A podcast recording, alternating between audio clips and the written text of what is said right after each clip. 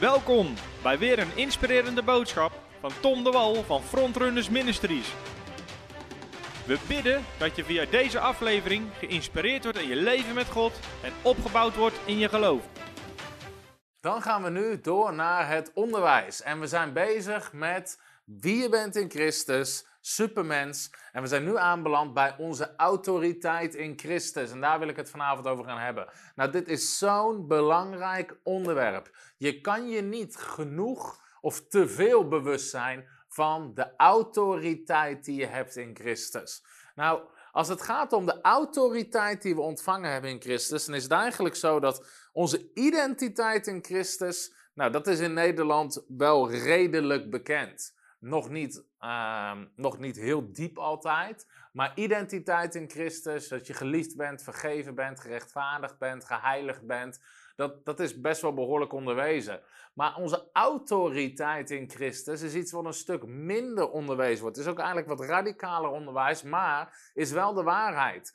Want wat we eigenlijk geloven is en ik ga het je laten zien vanuit het woord van God. Daar gaat dit boek Supermens over. De Bijbel leert ons, we zijn een nieuwe schepping in Christus. Alles is nieuw geworden. 2 Korinthe 5 vers 17. Onze geest is wedergeboren. Onze geestelijke mens is opnieuw geboren. En die is één gemaakt, zegt Romein hoofdstuk 6, met Jezus. En we zijn dus, um, en dan in die vijf fases van Jezus, zijn, dood, zijn kruisiging, zijn sterven, zijn, begra zijn, zijn graflegging, zijn opstanding en in zijn nieuwe leven, zijn verheerlijking, zijn wij één geworden met Christus.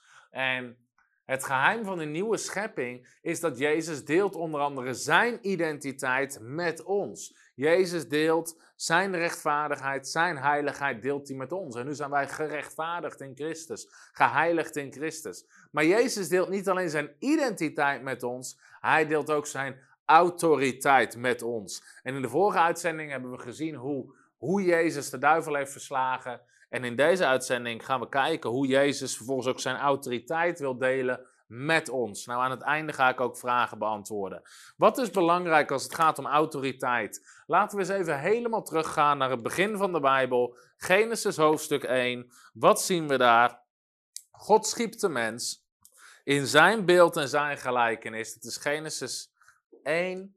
En God zei: Laten wij mensen maken naar het beeld, naar mijn beeld en naar, naar ons beeld en ons gelijkenis. En laten zij heersen. Laten zij heerschappij hebben. Laat hen autoriteit hebben. God maakte de mens om autoriteit te hebben.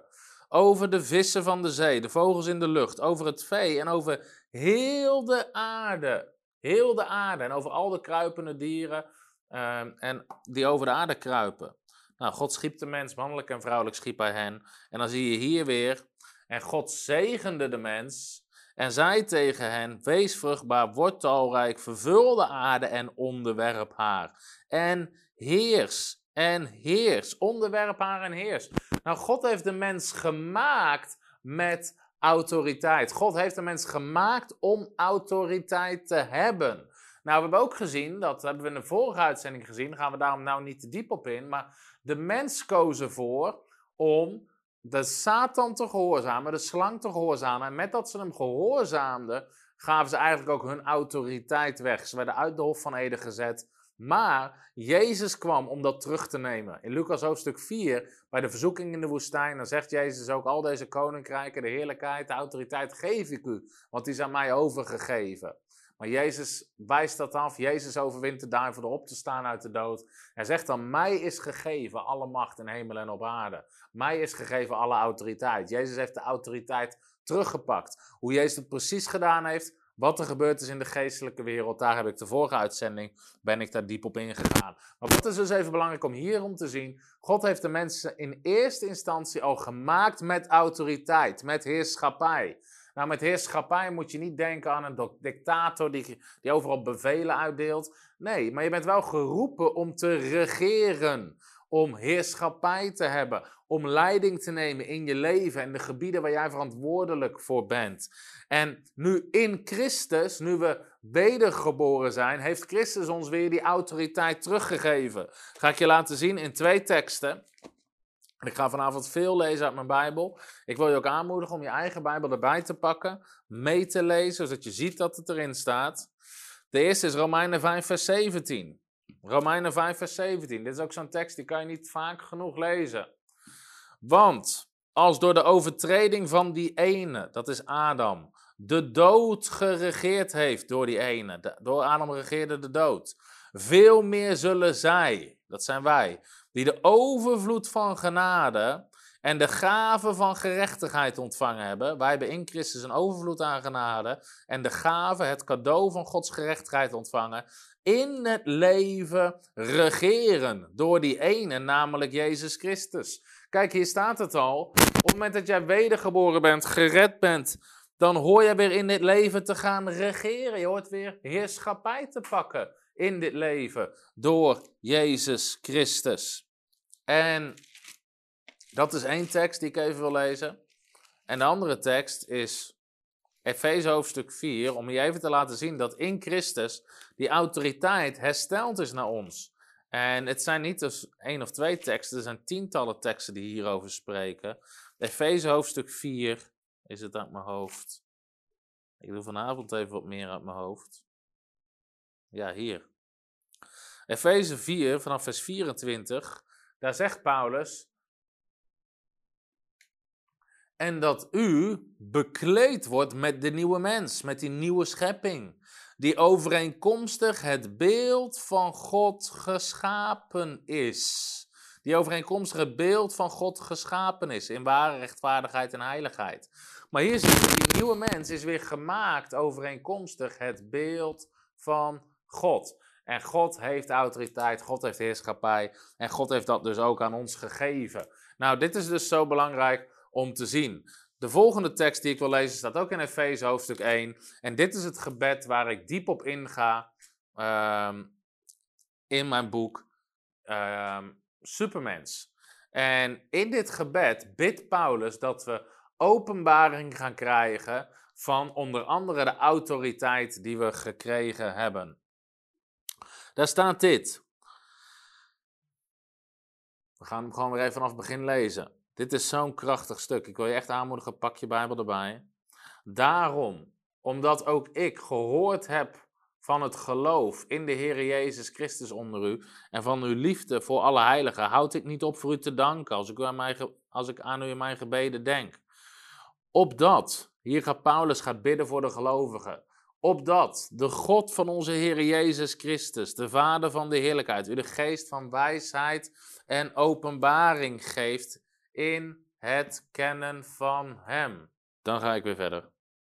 We zijn in Efeze hoofdstuk 1 aan het kijken naar het gebed wat Paulus bidt. En Paulus bidt hier dat we openbaring krijgen, onder andere van onze autoriteit. Nou, dit hoofdstuk, pak het erbij. Dit is zo belangrijk. Hier zegt Paulus namelijk dit. We hebben net gezien, hij bidt voor een geest van wijsheid en openbaring in het kennen van Hem, in het kennen van God, in het kennen van Christus. Namelijk, waar bidt hij voor? Verlicht de ogen van uw verstand. Nou, dat eigenlijk staat daar verlicht de ogen van uw hart. Staat er in het Grieks, van je innerlijke mens, van je geest. Om te weten wat de hoop van zijn roeping is. Wat de hoop is van de roeping van Christus. Waar Christus voor geroepen is en waar hij ons voor geroepen heeft. En wat de rijkdom is van de heerlijkheid van zijn erfenis in de heiligen. Jezus heeft een gigantische erfenis achtergelaten die nu beschikbaar is in ons, want Christus woont in ons. En, dan zegt hij dit, wat de alles overtreffende grootheid van zijn kracht is aan of in ons die geloven. Hij bidt dat de gelovigen openbaring krijgen wat de alles overtreffende. Iedereen kan in de reacties zeggen: alles overtreffende. Grootheid van zijn kracht. Kijk, hier, tot hier zeggen heel veel mensen amen. Als hier een streepje zou staan. Ja, amen. De kracht van God is alles overtreffend. Ja, amen. De kracht van Christus is alles overtreffend. Maar Paulus zet hier geen punt. Hij bidt dat de gelovigen openbaring krijgen van de alles overtreffende grootheid van zijn kracht aan ons. Aan ons. Hier, ik zal het in mijn eigen Bijbel nog even nog wat duidelijker, hoewel hoe meer erin schrijft, het is niet zo dat het altijd nog duidelijker wordt. Aan ons die geloven. Aan ons die geloven. Die kracht is gegeven aan ons. overeenkomstig de werking van de sterkte van zijn macht. Waarmee is die kracht te vergelijken? Die hij gewerkt heeft in Christus toen hij hem uit de doden opwekte en aan zijn rechterhand zette in de hemelse gewesten. Jezus is nu gezeten aan de rechterhand van God. Ver boven alle overheid en macht en kracht en heerschappij en elke naam die genoemd wordt. Niet alleen in deze wereld, maar ook in de komende. Jezus is gezeten ver boven alle overheid en macht en kracht en heerschappij en elke naam die genoemd wordt. Niet alleen in deze wereld, maar ook in de komende. Let op, het wordt steeds beter. En hij heeft alle dingen aan zijn voeten onderworpen en heeft hem, heeft Jezus als hoofd over alle dingen gegeven aan de gemeente, aan ons, die zijn lichaam is. Wij zijn de gemeente, wij zijn het lichaam van Christus op aarde. En Christus is het hoofd over alle dingen, maar is gegeven aan ons. En de vervulling van Hem die alles in alle vervult. Nou, wat hier staat is zo overweldigend. En het is nog niet eens klaar. Als je verder zou lezen, we gaan nog even één, nog één vers even lezen. Twee versen. Want Paulus die gaat verder en dan zegt hij in vers 5 en 6 van hoofdstuk 2 dat toen wij dood waren, zijn we met Christus levend gemaakt. Uit genade bent u zalig geworden. Dat niet alleen, we zijn niet alleen met Christus levend gemaakt. Hij heeft ons, niet hij gaat, hij heeft. Kijk, sommige mensen doen alles in de toekomst. Ja, op een dag. Nee, hij heeft ons met hem opgewekt en met hem in de hemelse gewesten gezet in Christus Jezus. Wij zijn met hem opgewekt en met hem in de hemelse gewesten gezet. Waar zit Jezus? Dat zie je hier. Het staat ernaast, uit de doden opgewekt, zitten aan de rechterhand van God in de hemelse gewesten, ver boven alle overheid en macht en kracht en heerschappij en elke naam. En waar ben jij? Jij bent met hem opgewekt en met hem in de hemelse gewesten gezet, in Christus Jezus. Lieve mensen, dit is de autoriteit die je hebt in Christus. Jezus heeft alles overwonnen door op te staan uit de dood. Hij is verheven ver boven iedere overheid, iedere macht. Dan staat er iedere kracht, iedere heerschappij en elke naam die genoemd wordt. En jij bent gezeten met hem in de geestelijke gewesten. Jouw wedergeboren geest is uit God geboren en heeft autoriteit daarover. Dit, hier kan je niet diep genoeg, niet lang genoeg over praten. En er zijn zoveel christenen die zich hier niet van bewust zijn. En over, op heel veel plekken waar je komt. Uh, ja, broeder Tom, je moet wel weten, er zit hier echt een uh, demonische macht boven dit gebied. Stop met die demonische macht boven dat gebied. Die demonische macht zit onder jouw voeten. Dat is waar die zit. Want jij bent gezeten met Christus ver boven alle overheden en machten en krachten en elke naam die genoemd wordt. Uh, ja, hier zit echt een Izebo-geest. Dat is een naam en die zit onder jouw voeten. Christenen hebben te veel geloof, als het ware, in de autoriteit van de duivel en te weinig in de autoriteit van Jezus Christus. Jezus zei: Mij is gegeven alle macht in hemel en op aarde. De enige macht die hij heeft, is vaak de macht die wij hem geven. Net zoals Adam in de hof. De slang had daar geen macht, maar hij misleidde Adam, waardoor Adam hem macht gaf. Hij gaf hem ruimte. Daarom zegt Paulus in Efeze hier, geef de duivel geen plaats. Geef de duivel geen plaats. Hier, Efeze 4, vers 27. Geef de duivel geen plaats. Dus wij, het is onze verantwoordelijkheid om hem geen plaats te geven. Waarom? Jezus heeft hem ontwapend. Nou, ik toch los ben, ga ik het je ook allemaal laten zien.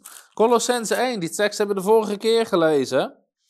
Hier, hij heeft de overheden en de machten ontwapend. Hij heeft hun wapens afgenomen, ze openlijk te schande gemaakt en daardoor over hen getriomfeerd, over hen overwonnen. Hij heeft ze ontwapend, openlijk te schande gemaakt en daardoor over hen getriomfeerd. Dat is de autoriteit die wij hebben met Christus. Christus deelt zijn autoriteit met ons. Dat is de autoriteit van de gelovigen. De gelovige staat ver boven de duivel, demonen, overheden, machten en krachten. Ze zijn onder jouw voeten. En er zijn te veel christenen die geloven dat de duivel meer macht heeft dan hun, die onder de indruk zijn van de duivel. Maar dat zou niet zo moeten zijn. Jezus zei al in Lucas hoofdstuk 10, vers 19 en 18. Hij zei: Ik zag de Satan als bliksem uit de hemel vallen. Zie, ik geef u de macht om op slangen en schorpioenen te trappen en de macht over alle kracht van de vijand en niets zal u schade toebrengen. Ik geef u macht om op slangen en schorpioenen te trappen en de macht over alle kracht. Als je dat soort dingen ziet, moet je ze aanstrepen, onderstrepen, omcirkelen. Je hebt macht gekregen over alle kracht van de vijand en niets zal u schade toedoen. Niets zal u schade toedoen. Dat is de autoriteit van de gelovigen. Nou, dit zijn maar even een paar teksten die ik hierover lees. Maar het toont gewoon aan hoe gigantisch de autoriteit is die Christus heeft gegeven aan ons. Hij deelt niet alleen zijn identiteit met ons, Jezus deelt ook zijn autoriteit met ons. En terwijl ik bezig ben, ben ik helemaal van mijn aantekening afgeweken. Maar ik was hier zo enthousiast over. Halleluja. Nou, dit is zo belangrijk. Waarom? Even terug naar Efeze. God kiest er dus voor om op aarde, en dit is iets wat veel mensen niet beseffen, via de gelovigen te werken. Om via de gelovigen te werken. En heel veel gelovigen zeggen, ja, als God het wil doen, dan doet hij het wel. God wil het doen en hij doet het ook wel, maar hij gaat het doen door ons. Kijk nog maar eens een keer naar Efeze hoofdstuk 1. Hij is gezeten, en nou, hiervoor bad Paulus dus dat wij die openbaring krijgen van die alles overtreffende grootheid van zijn kracht aan ons, die hij gewerkt heeft in Christus, hem op te doen staan uit de dood, zitten aan de rechterhand, ver boven alle overheid en macht en kracht en heerschappij, elke naam die genoemd wordt. En hij heeft alle dingen aan zijn voeten onderworpen. Nou, voeten zijn onderdeel van je lichaam, die zitten niet onder je hoofd. Alle dingen aan zijn voeten onderworpen en hem heeft hem als hoofd over alle dingen gegeven aan de gemeente, aan de gelovigen, die zijn lichaam is en de vervulling van Christus, die alles in alle vervult. De taak nu om met de heerlijkheid en heerschappij van Christus te verspreiden over deze aarde ligt bij ons. Dat is onze verantwoordelijkheid. En veel christenen zijn misleid als het gaat om de soevereiniteit van God.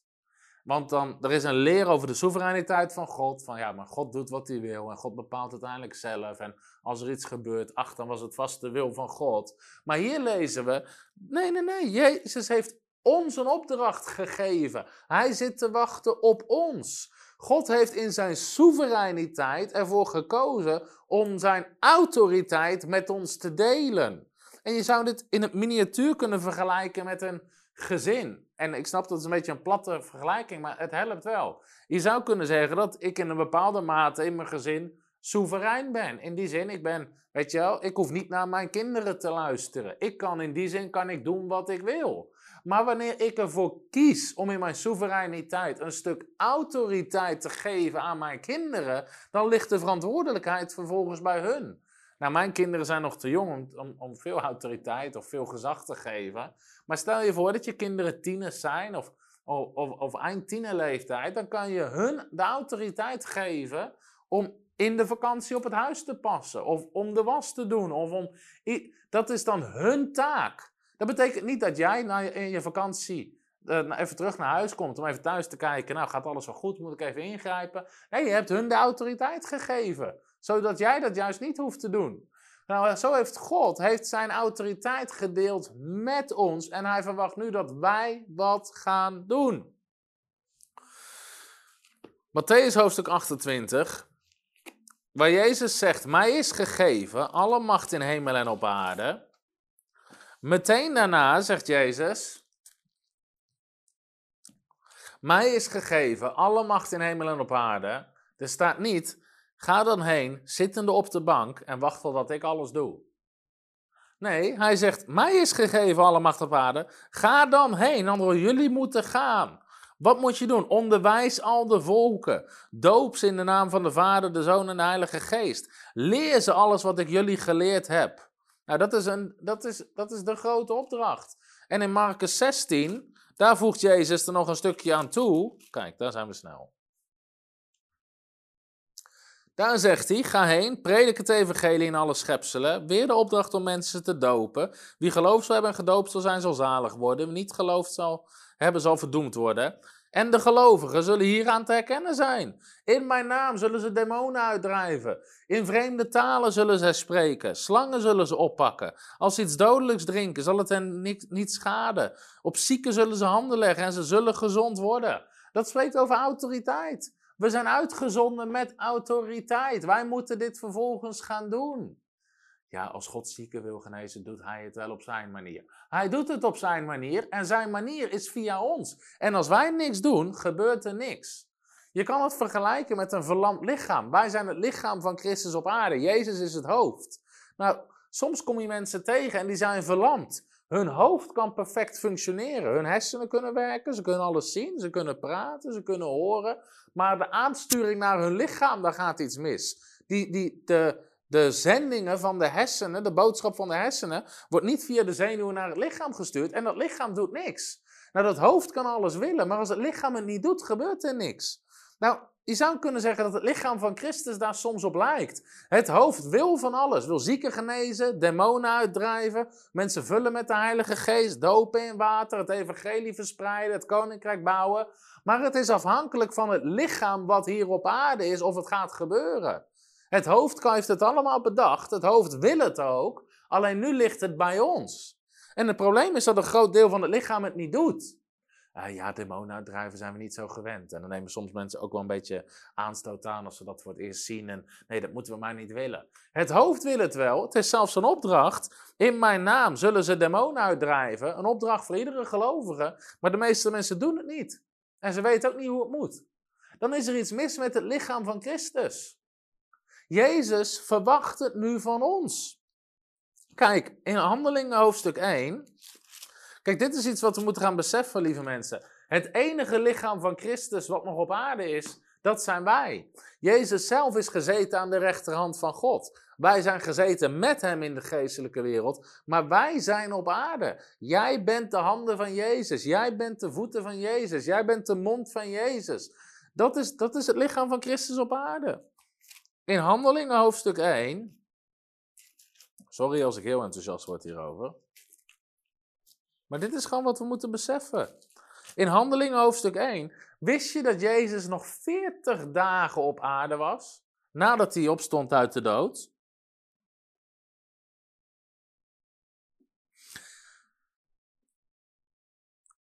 Handelingen 1, vers 3.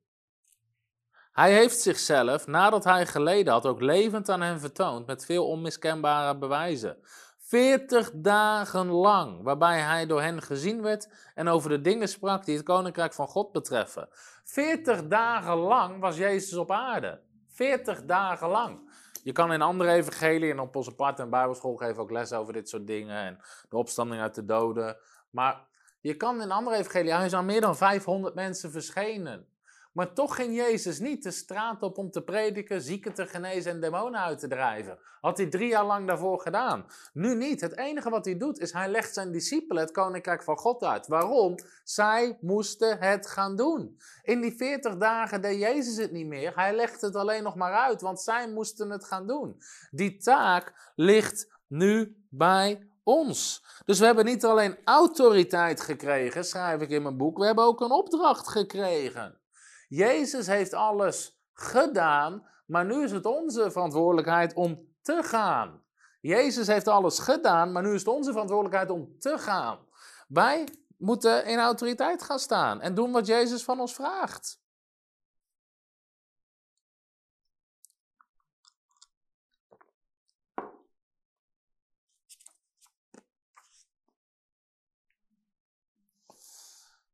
Paulus bidt voor de alles overtreffende grootheid van zijn kracht, die gegeven is aan ons, die geloven. Het is gegeven aan de gelovigen. Dit is zo belangrijk.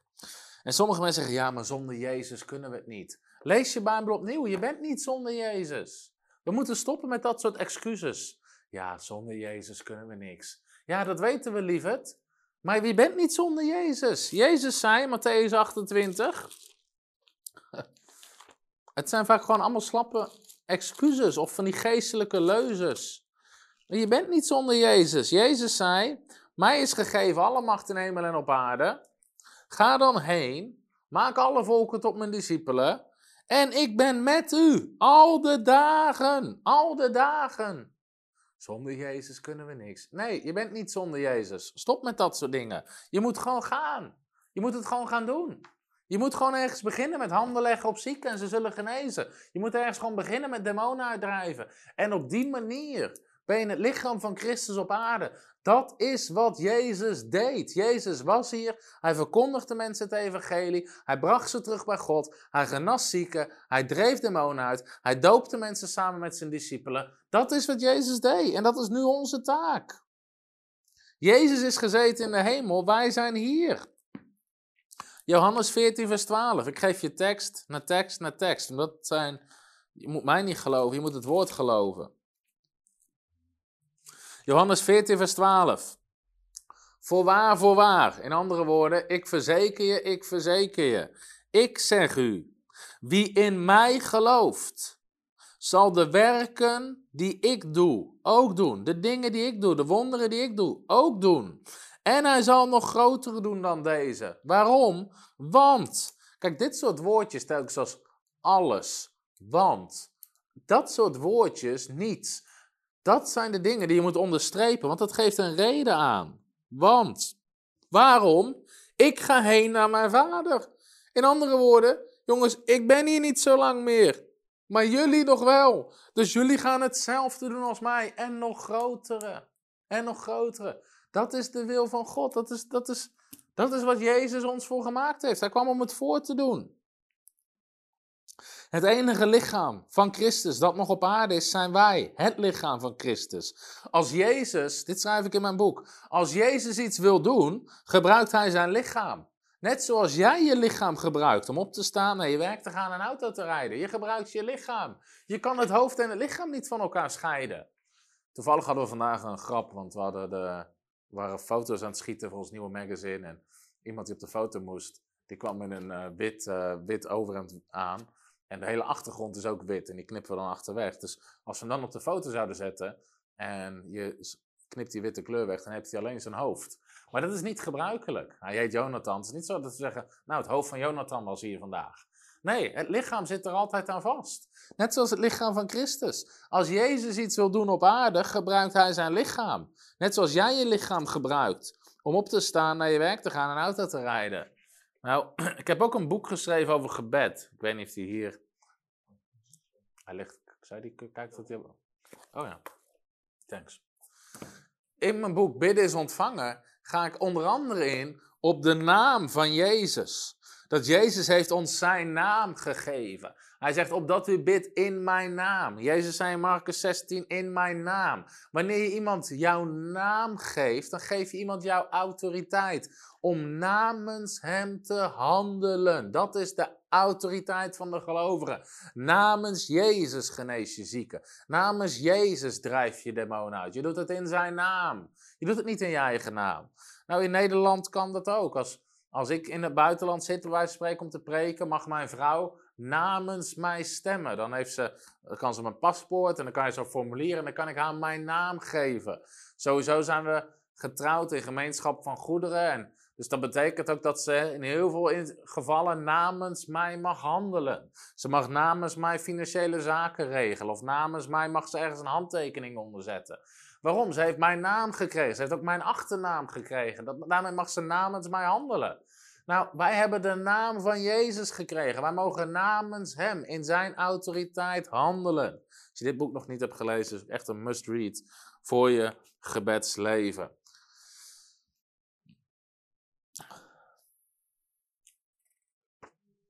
Dus we doen het namens Jezus. Namens Jezus. Dat is zo mooi om te beseffen. Laten we nog een paar teksten gaan lezen en dan wil ik. Ik wil het ook niet al te lang maken. Ik heb vandaag in 40 minuten me al druk genoeg gemaakt om dit duidelijk te maken. 1 Johannes 4. Ik wil gewoon dat je ziet dat dit zit verbonden aan die wedergeboorte. Aan die nieuwe mens die zo belangrijk is. 1 Johannes 4, vers 4. Daar staat: Lieve kinderen, u bent uit God. Wat bedoelt u daarmee? U bent uit God geboren. We zijn wedergeboren. Onze geest is opnieuw geboren. Jezus zei al: iedereen die niet, opnieuw geboren wordt, in Johannes hoofdstuk 3, kan het koninkrijk van God niet binnengaan. We zijn uit God geboren en u hebt hen overwonnen. Want hij die in u is, is groter dan hij die in de wereld is. Christus die in ons woont, is groter dan alles wat we in deze wereld tegenkomen. De antichristen, duivel, demonen, machten, krachten, satanisten, voodoo, weet ik veel. Wat de duivel allemaal op je af probeert te sturen soms om je te stoppen. Hij die in u is, is groter dan hij die in de wereld is. Op slangen en schorpioenen zul je trappen. Niets zal u schade toebrengen. Ik geef je autoriteit over de gehele lege macht van de vijand. Dat zijn dingen, daar moet je je zo van bewust zijn. Dat is wat God ons gegeven heeft. Dat is de autoriteit die we hebben in Christus. Nu we in Christus zijn, zijn we wedergeboren. We zijn uit God geboren. We hebben Gods DNA. En de identiteit, de kracht en de autoriteit van Christus. Het zit verbonden aan het feit van onze wedergeboorte. 1 Johannes 5, vers 4. Want al wat uit God geboren is, zie je, dat is weer die wedergeboren geboorte. Je bent uit God geboren. Overwin de wereld. En dit is de overwinning die de wereld overwonnen heeft. Ons geloof. Ons geloof. Dit is de overwinning die de wereld overwonnen heeft. Ons geloof. Je haalt overwinning door te leven, door te wandelen in geloof. Dat is de manier waarop je het haalt. Nou, ik ga nog twee teksten, denk ik, met je lezen. Om te laten zien uit het Evangelie van Matthäus. We hebben net Johannes 14, vers 12. Je mag zo meteen vragen stellen. We, we hebben net Johannes 14, vers 12 gelezen, waar Jezus zegt: Wie in mij gelooft, om precies te zijn, dan zegt, want voorwaar, voorwaar, ik zeg u, wie in mij gelooft, zal dezelfde werken doen als mij en nog grotere. Want ik ga naar mijn vader. Nou, Jezus gaf zijn discipelen in Matthäus 10, vers 1. Hij riep zijn twaalf discipelen bijeen, bij zich, en gaf hun macht, is het woord autoriteit, over de onreine geesten om die uit te drijven en om iedere ziekte en elke kwaal te genezen. Hij gaf ze autoriteit over iedere demon. Ga ik je toch nog laten zien uit een andere tekst. Lucas hoofdstuk 9, vers 1. Ik ga vandaag alle kanten op. Ik heb ook geen aantekeningen. Ik doe het gewoon uit mijn hoofd. Lucas 9, vers 1. Hij riep zijn twaalf discipelen bij zich. En hij gaf aan hen macht en, of kracht en macht over alle demonen. Over alle demonen. En om zieken te genezen. En in Matthäus 10, vers 1 zei hij: Ik geef hem macht over de onreine geest om die uit te drijven. En om iedere ziekte en elke kwaal te genezen. Nou, Jezus gaf dit niet alleen aan de twaalf. Want in hetzelfde hoofdstuk, het hoofdstuk daarna, daar zendt hij er nog een keer 70 uit. Nog 70 andere discipelen. Dus dat waren er al 82. Vervolgens, in Marcus hoofdstuk 16, zendt hij ons allemaal uit. Want dan zegt hij, en de gelovigen zullen hieraan te herkennen zijn. Bovendien zei Jezus in Johannes 14, vers 12, wie in mij gelooft. Dus dat telt voor iedereen.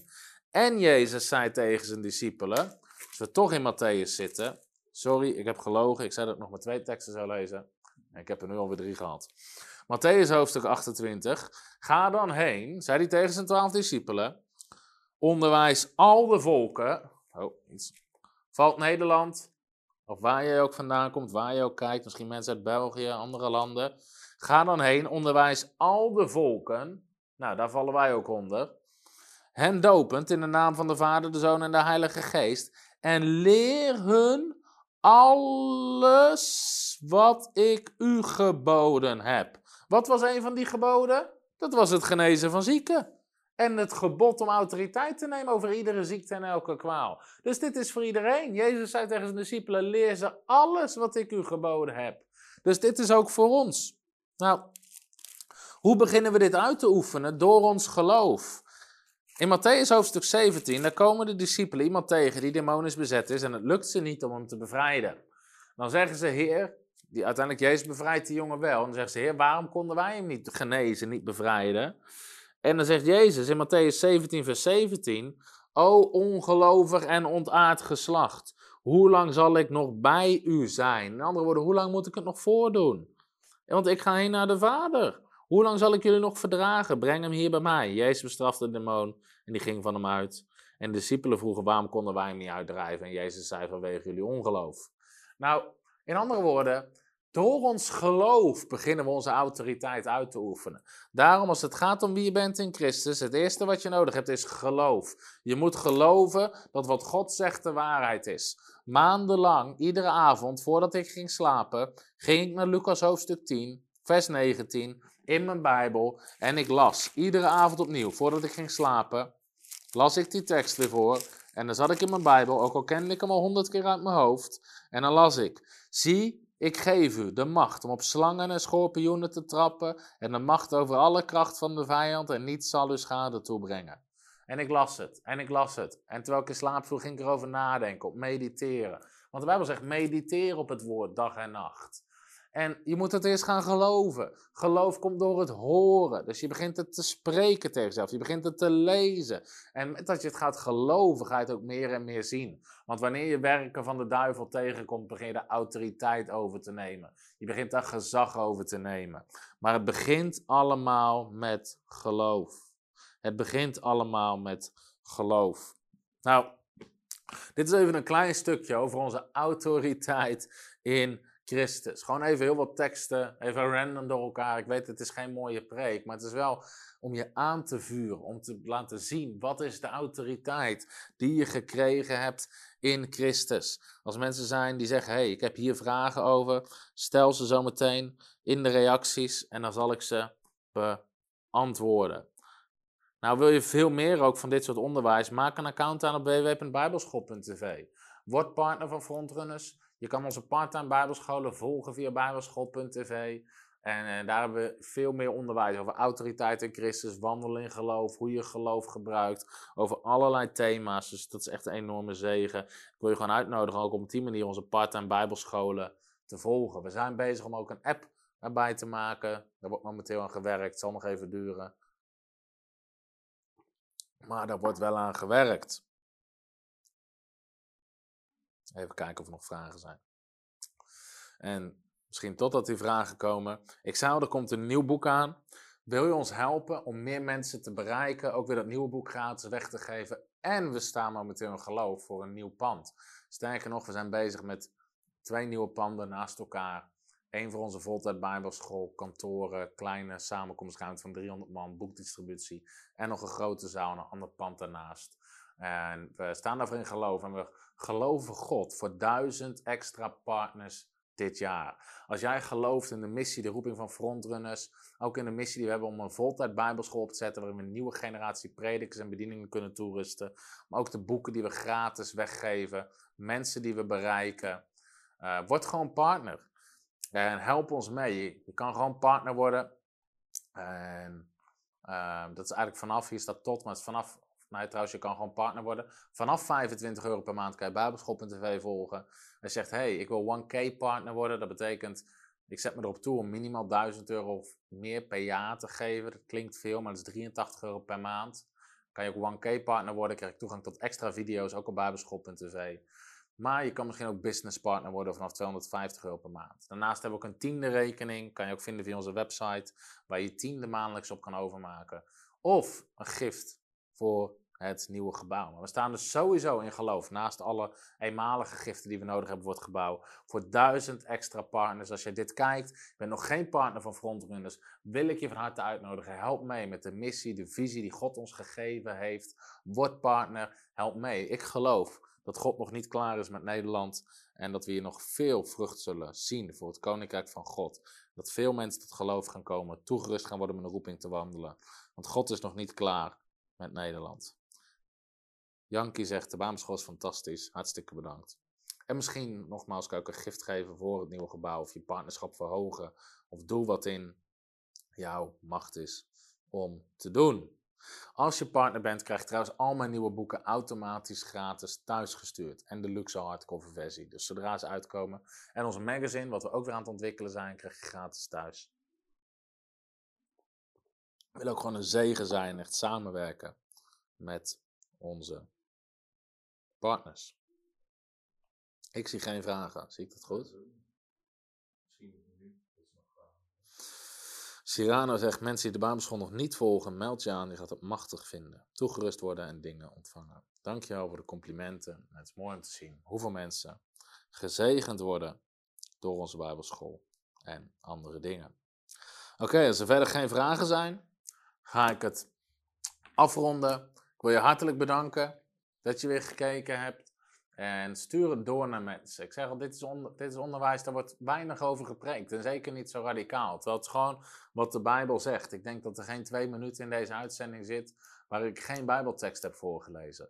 Ik wil weten wat de Bijbel zegt. Ik geloof wat de Bijbel zegt. En ik wil zien in mijn leven wat de Bijbel zegt. Dat Jezus aan ons belooft. Daarvoor, weet je, ik ben niet bijzonder. Ik ben een discipel van Jezus. Ik wil hem gewoon volgen. Ik wil doen wat hij zegt. Ik wil zijn opdracht gehoorzamen. En de opdracht vervullen die hij ons gegeven heeft om alle volken te maken tot zijn discipelen. En aangezien ik in Nederland geplaatst ben, begin ik maar met Nederland, hoewel we ook in andere landen conferenties, et cetera, doen. Maar dat is wat we doen. We willen mensen maken tot discipelen van Jezus. En uh, hebben nog een vraag of niet? Oké. Maar goed, nogmaals, wil je ons daarmee helpen? Kan je ook partner worden. Maar ik bedoel er vooral mee aan te geven. Het is gewoon eenvoudig geloof. Hallo, Tom de Wol hier en bedankt dat je weer geluisterd hebt naar onze podcast. Ik bid dat het je geloof gebouwd heeft en je bemoedigd bent. Als je niet alleen een luisteraar van onze boodschap wil zijn, maar ook een verspreider daarvan, wil ik je uitnodigen om partner te worden van Frontrunners. Door jouw maandelijkse donatie help je ons om dit evangelie van Jezus Christus en het woord van God over heel de aarde te brengen. Om partner te worden, ga naar www.frontrunnersministries.nl slash partners en word partner. Hartelijk bedankt en tot snel. Heb je ook zo genoten van deze inspirerende boodschap van Tom de Wal? Abonneer je dan op deze podcast. Volg ons op Facebook en op Instagram en kijk op onze website frontrunnersministries.nl.